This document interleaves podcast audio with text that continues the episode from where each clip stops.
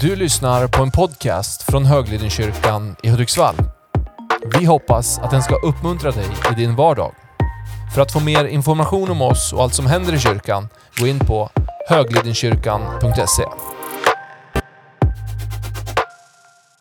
Hej och varmt välkommen till online-gudstjänst med Höglidenkyrkan. Mitt namn är Marcus Seder och jag är pastor. Idag har vi en fantastisk gudstjänst framför oss. Vi, eh, dels så är vi mitt i midsommarhelgen. Jag hoppas att du har haft en grym helg. Vi har bjudits på ett underbart väder. Eh, någonstans stod det att vi har haft det bästa sommarvädret på 50 år eh, under en midsommar. Så bara det är ju värt att fira tänker jag. Det är inte varje år då, uppenbarligen. Varmt välkommen att hänga med mig och oss på Höglidenkyrkan den här söndagen. Det blir en online-gudstjänst. Eh, vi står i ett lite speciellt läge med församlingen. Vi har haft en brand i våra lokaler så vi disponerar dem inte så som vi vill. Vi har haft förmån och möjlighet att vara på teatern, Hudiksvalls teater. Vid några söndagar, just idag, så fick vi göra en online-variant. Men det gör vi med glädje. Temat för dagens gudstjänst, det är hopp. Och eh, jag älskar hoppet. Hopp, det är en, en livsinställning. Det är en rot i mitt liv och jag tror att det kan vara en rot i ditt liv som gör att vi kan leva här på jorden, våra liv, eh, i en trygghet och en förvissning som inget annat gör med oss egentligen. Så hoppet tycker jag är något fantastiskt och vi ska titta lite grann på det idag. Inför den här gudstjänsten så gjorde jag så i veckan som har varit. Jag träffade en god vän och Eh, en av våra församlingsmedlemmar, Lars Edeborg heter han. Han eh, jobbar som ambulanssjuksköterska till vardags och eh, han har mycket kloka tankar att komma med och jag kände att jag, jag skulle vilja träffa Lars på ett café i stan och så tar vi en kaffe och så samtalar vi lite grann om just ämnet hopp. Eh, gjort och sagt, sagt och gjort. Precis så gjorde vi. Jag bokade tid med Lars och vi träffades på ett café i Hudiksvall. Jag tänker att den här gudstjänsten ska vi inleda med att eh, lyssna och titta på det samtalet. Vi riggade upp en enkel rigg med lite prylar och så sen filmade vi och spelade in samtalet. Eh, det blir lite drygt 10 minuter i inledningen av den här gudstjänsten. Så fortsätt titta och eh, följ med i det samtalet så ska jag sen följa upp och plocka vissa bitar ur det också.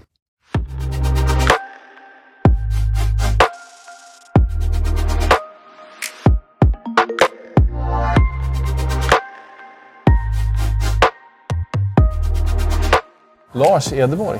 Ja. Fantastiskt trevligt att ses på det här viset. Samma, samma. Ja. Mm. Hur är läget? Jo, jag tycker det är bra. Ja.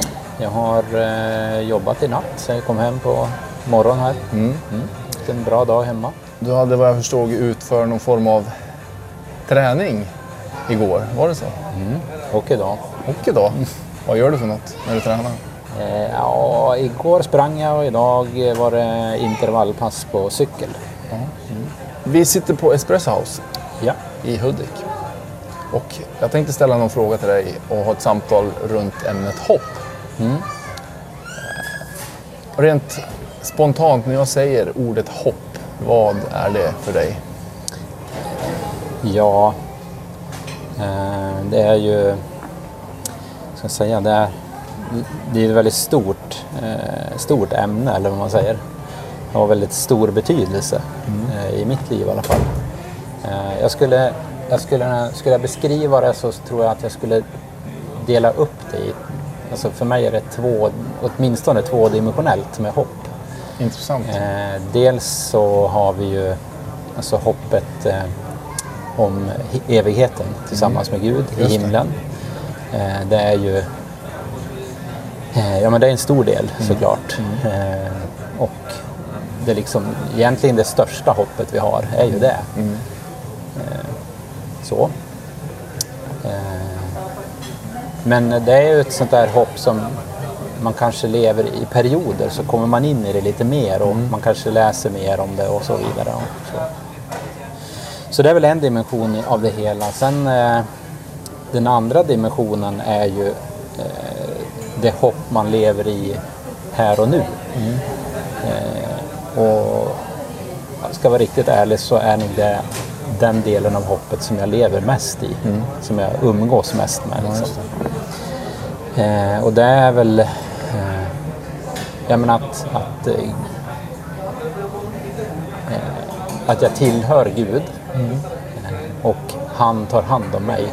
Eh, för mig ger det, alltså kort, väldigt kortfattat, nerkokat, eh, så är det, det ger mig otroligt mycket hopp. Eh, Har så- du, ja, men det är ju... Jag tycker det är en bra tanke. För jag ser också som att det finns olika dimensioner av hoppet. Verkligen. Har du... eh, Jag tänker att det kanske vi alla har, men hopplösa perioder i livet? Det, det, jag skulle komma till det.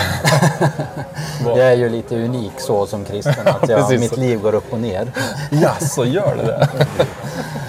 ja, det är något som vi alla går igenom, tänker jag. Absolut, visst är det så. Hur, hur hanterar du sådana perioder? Ja, men eh, eh, jag skulle nog säga att eh, till skillnad mot för när jag var eh, 16, 17, 18 år så, så liksom är det här med ups and downs, det är lite annorlunda nu. Eh, nu när jag har eh, passerat 50, eller in på dödsidan som del kallar det för. Andra halvlek? Ja, precis. Så, så känner jag mig väldigt trygg i att jag tillhör Gud. Jag tvivlar i princip aldrig på, Ja, det. på den biten. Där känner jag mig väldigt trygg. Eh, det kanske inte man gjorde när, man var, när jag var yngre. Eh, det var mer upp och ner till. Liksom, eh, Är jag nära Gud eller inte? Men, eh, nu skulle jag nog säga att Ja, men den, den där att jag tillhör Gud ger, ger mig hopp. Liksom att, ja, men, får jag en period i livet, ja, men, en liten ökenvandring, så, så, så har jag väl lärt mig att ta det ganska lugnt. Jag, alltså, jag har en kollega som, som kör med ett uttryck, han säger "Si- vi- sitt lugnt i båten. Och lite av det har, har väl, eh, tror jag, mitt liv formats till. När jag går ner i, om man hamnar i en period som är lite tyngre, så, så kan jag slappna av lite eh, och, och liksom känna, ja, men, eh, mitt hopp är att Gud tar hand om mig oavsett vad som händer. Eh, och eh, jag har också en tro på att liksom det, det kommer det blir bättre lite längre fram och så får man ingen panik över, över att det, det blir en liten, en liten down så då.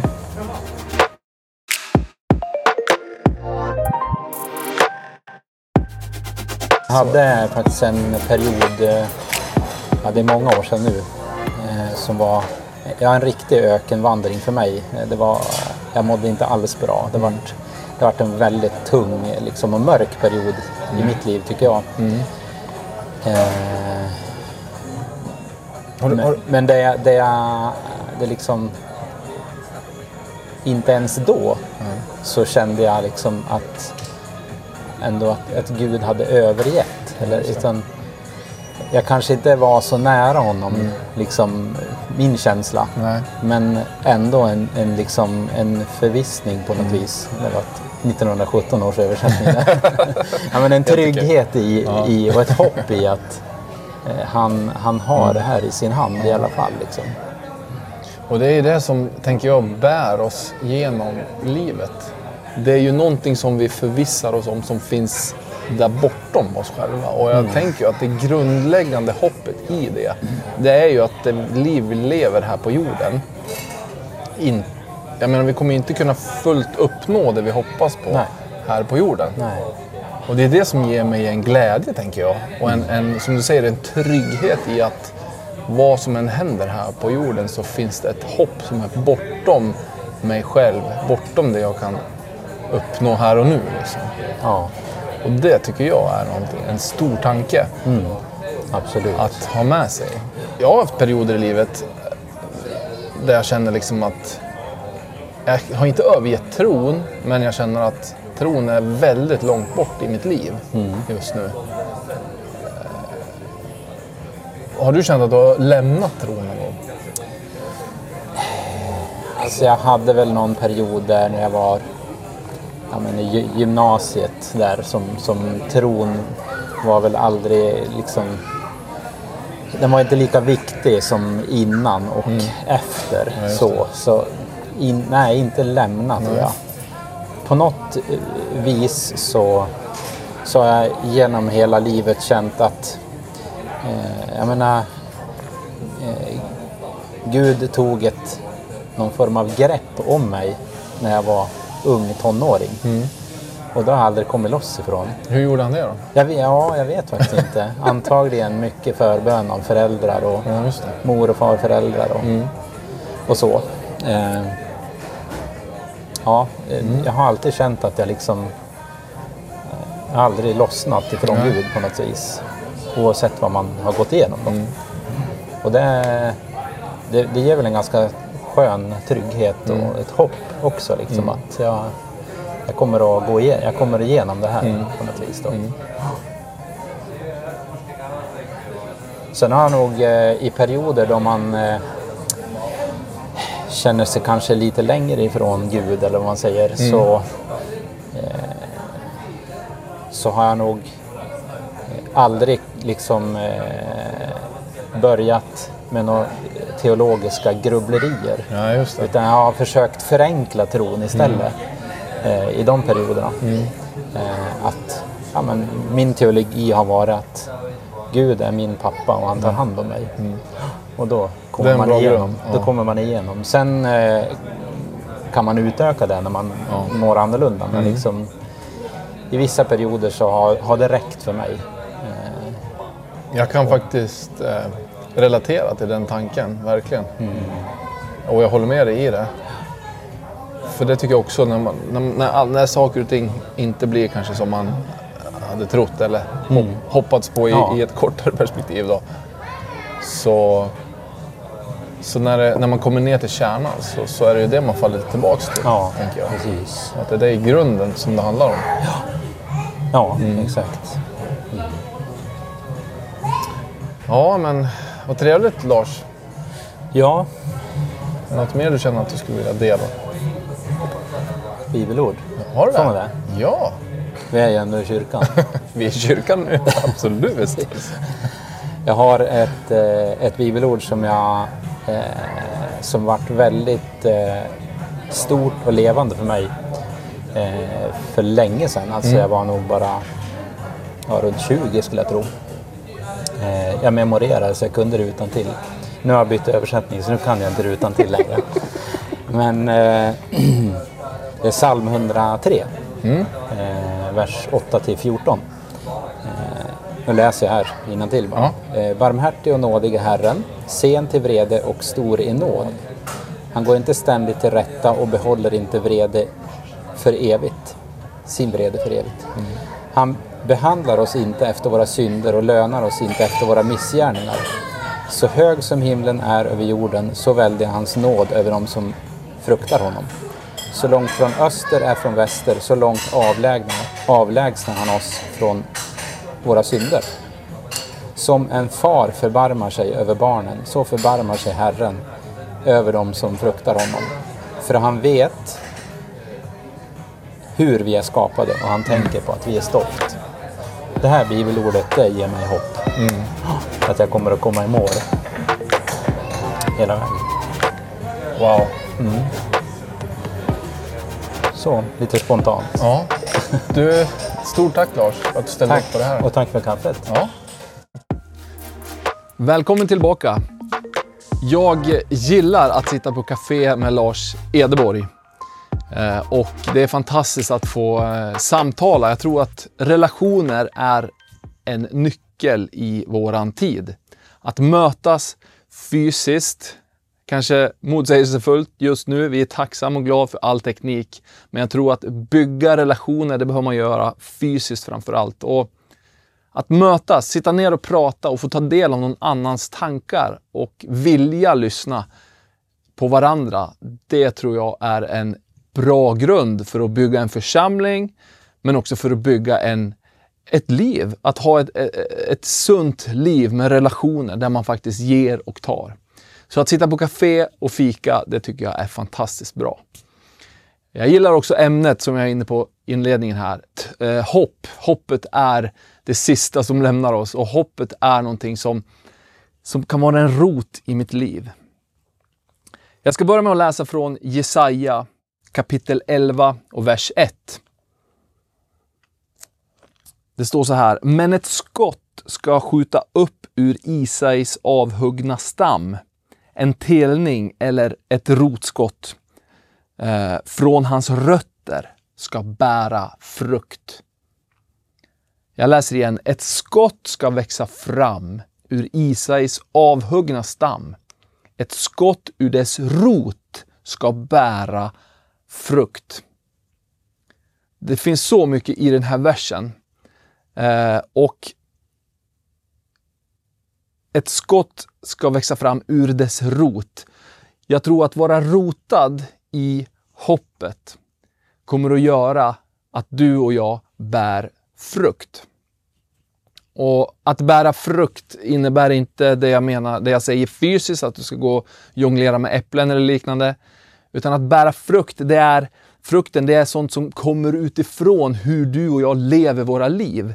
Vad, vad, vad kommer det för resultat? Vad kommer det ut ur dig? Vad kommer det ut av ditt liv? utifrån hur de beslut du tar, de rutiner du har, de relationer du har. Vad blir det för konsekvenser? Det är, det är typer av frukt. Hur reagerar du? Är du kärleksfull? Eller man pratar om andens frukter och så vidare. Men att vara rotad i hoppet kommer att innebära någonting för våra liv. Man pratar mycket idag om att det är säsonger. Eh, det är årstider, såklart. Eh, vi är i en fantastisk årstid just nu när allting har blommat ut. Vi ser grönskan och hela den här biten. Va? Men livet är säsonger. Eh, det är inget nytt. Men det jag tror är viktigt att komma ihåg när det gäller säsongerna i livet, det är att de säsonger i ditt liv som är de roligaste, det vill säga du trivs, det är ganska enkelt, det är kanske inte så mycket som händer, det mesta går ganska bra. De säsongerna är inte nödvändigtvis de som är mest fruktsamma för dig. Och de säsongerna, eller årstiderna i ditt och mitt liv som vi får ut mest av, alltså det som ger mig mest, det som bygger mig mest. Det är inte nödvändigtvis de som är de roligaste. Alltså de som jag kanske skulle välja innan och gå igenom. Hoppas du följer mig här, men en säsong av mycket, mycket säg motvind i livet, rent allmänt. Det gör någonting med oss. Vi mår kanske inte som bäst, vi är inte de lyckligaste och gladaste. Men det jag har med mig framöver från den tiden, det är saker som, som bygger mitt liv. Man kan även kalla den här säsongen för beskärningssäsongen. Jag har inte särskilt gröna fingrar och sådär, men eh, jag har förstått att just att jobba med beskärning av träd och det vi även läst i det här eh, bibelordet. Att beskära är ju att ta bort någonting som behö behövs någonting som inte längre behövs för att det nya ska kunna växa fram. För att nya frukter ska kunna komma. Och en beskärningssäsong i ditt och mitt liv kommer vara ganska tuff. Den kommer vara ganska jobbig. Men det som är avgörande, tänker jag, med att gå igenom beskärningssäsongerna, det är ju hur och vart jag är rotad. Jag läser igen. Ett skott ska växa fram ur Isais avhuggna stam. Ett skott ur dess rot ska bära frukt. Vart är din och min rot? Vart har vi våra rötter? Jag tror att hoppet kan och är en rot som kan bära frukt i våra liv. Det jag tänker också om hoppet, att hopp, det behöver inte, hoppet i sig själv beh se, behöver inte se hur och var och när saker och ting ska komma eller ske. Utan hoppet har ett större, ett längre perspektiv än så. Hoppet vet vem det beror på. Och jag kan i mig själv tänka att mitt hopp är grundat på Jesus. Så det beror inte på mig, utan det beror på honom. Vi går till Romarbrevet kapitel 8. Och vers 24.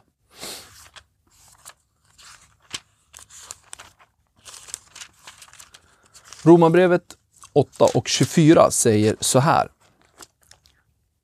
I hoppet är vi frälsta. I hoppet är vi frälsta. Bara den frasen tycker jag är väldigt stor. Men ett hopp som man ser uppfyllt är inte längre något hopp. Vem hoppas på det han redan ser?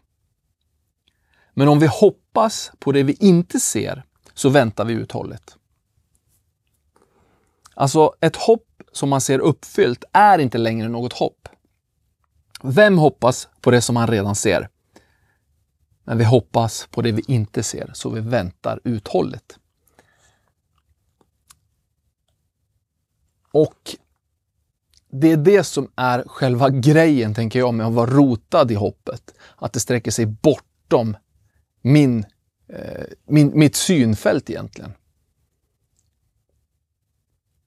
Att inte se dit man ska eller att inte se lösningen, att inte se exakta vägen fram eller ut. Det är alltid oerhört jobbigt för oss. Och det kommer alltid vara. Men jag tänker så här att hoppet är roten. Och om jag är avhuggen, om jag är beskärd, beskuren, vi går igenom beskärningssäsongerna, så kan jag vara väldigt, väldigt beskuren, precis som det står här i Jesaja. Men ett skott ska skjuta upp ur den avhuggna stammen.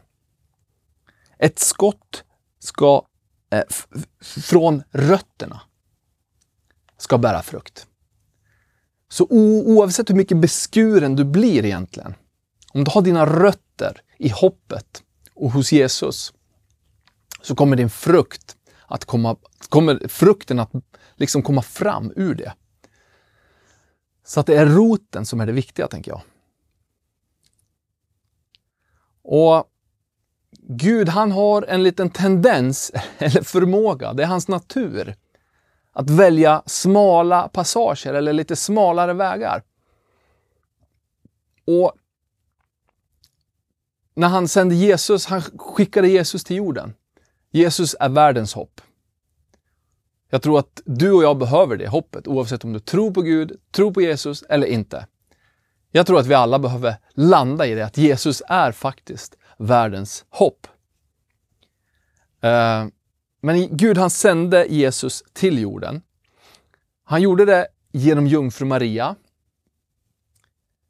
På den tiden var det ju så att Maria var orörd. Hon var inte gift och hon var orörd. Hon var jungfru. Och bara det blir ett problem eftersom hon blev gravid.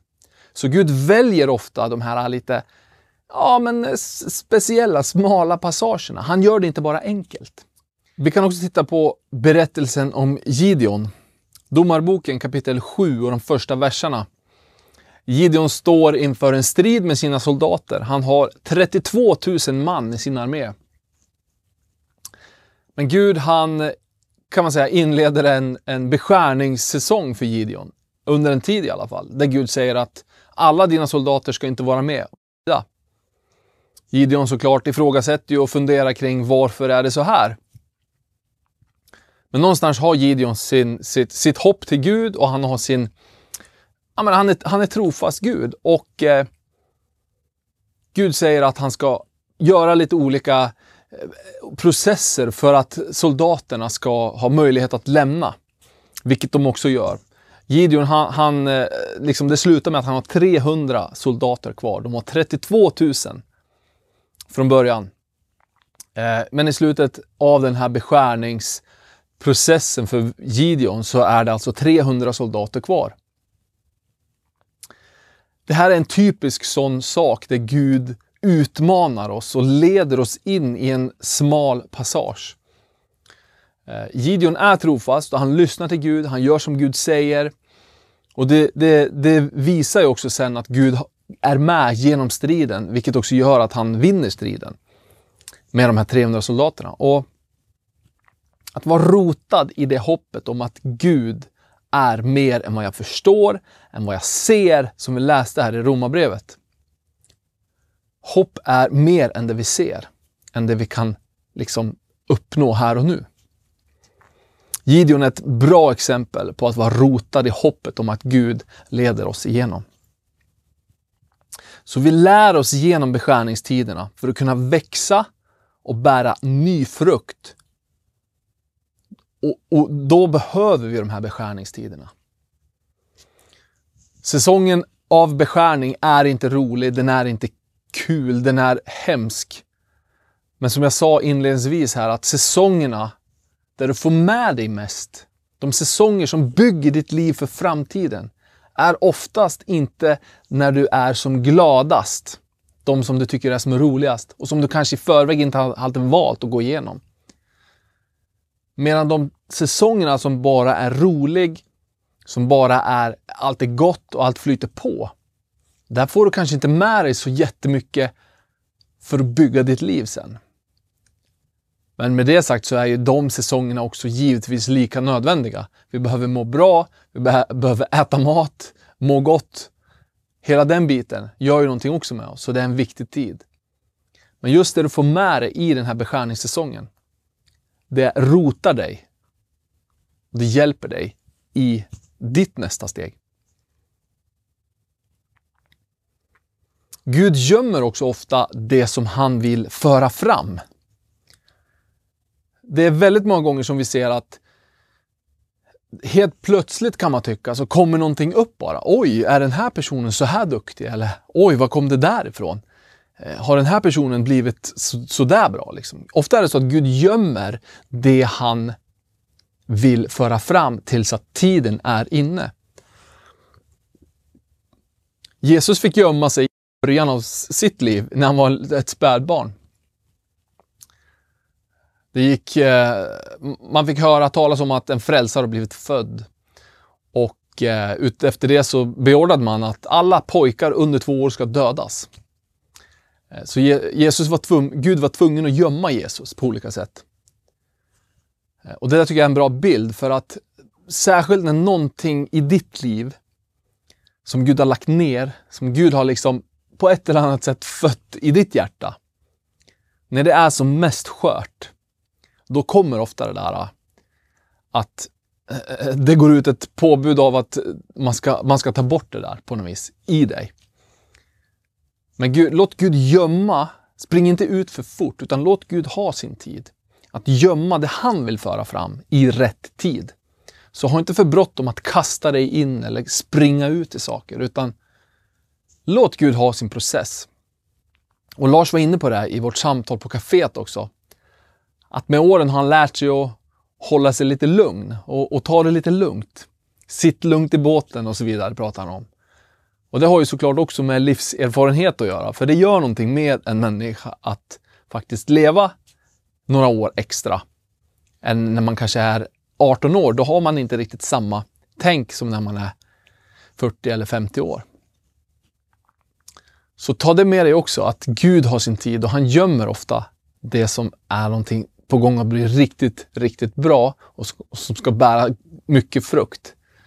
Det gömmer han i sin tid tills att tiden är inne. Då tar han fram det. Så låt Gud ha sin process. Rota dig i hoppet och, och sitt lugnt i det. Att vara rotad i hoppet, det gör att vi, när vi blir beskuren och går igenom den tiden, kommer utifrån den roten kunna bära ny frukt. Så det är mitt budskap den här äh, söndagen. Se till att vara, jag vill bara uppmuntra dig. Rota dig i hoppet. Rota dig i hoppet. Vad betyder det för dig? Vad betyder det för dig att Jesus är ditt hopp? När är det aktuellt i ditt liv? På vilket sätt visar det sig i ditt liv att Jesus är hoppet? Jag tror att det är viktigt att tänka på de här bitarna. Och när vi går igenom dåliga tider, för det gör vi ibland, hur ser det ut då?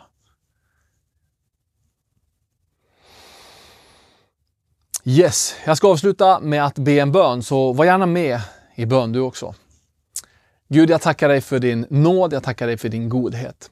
Tack att du är med oss varje dag. Jesus, jag ber att hoppet ska få vara en rot i våra liv, Herre, som håller oss fast genom allting. När det kommer be beskärningstider och säsonger av att ja, bli beskuren på olika sätt. Vi kan känna det ända in i märg och ben ibland, Fader. Ända in till stammen, som det står här i Jesaja, Gud. Men trots det så vet vi att det ska skjuta upp ett skott ur roten, Herre.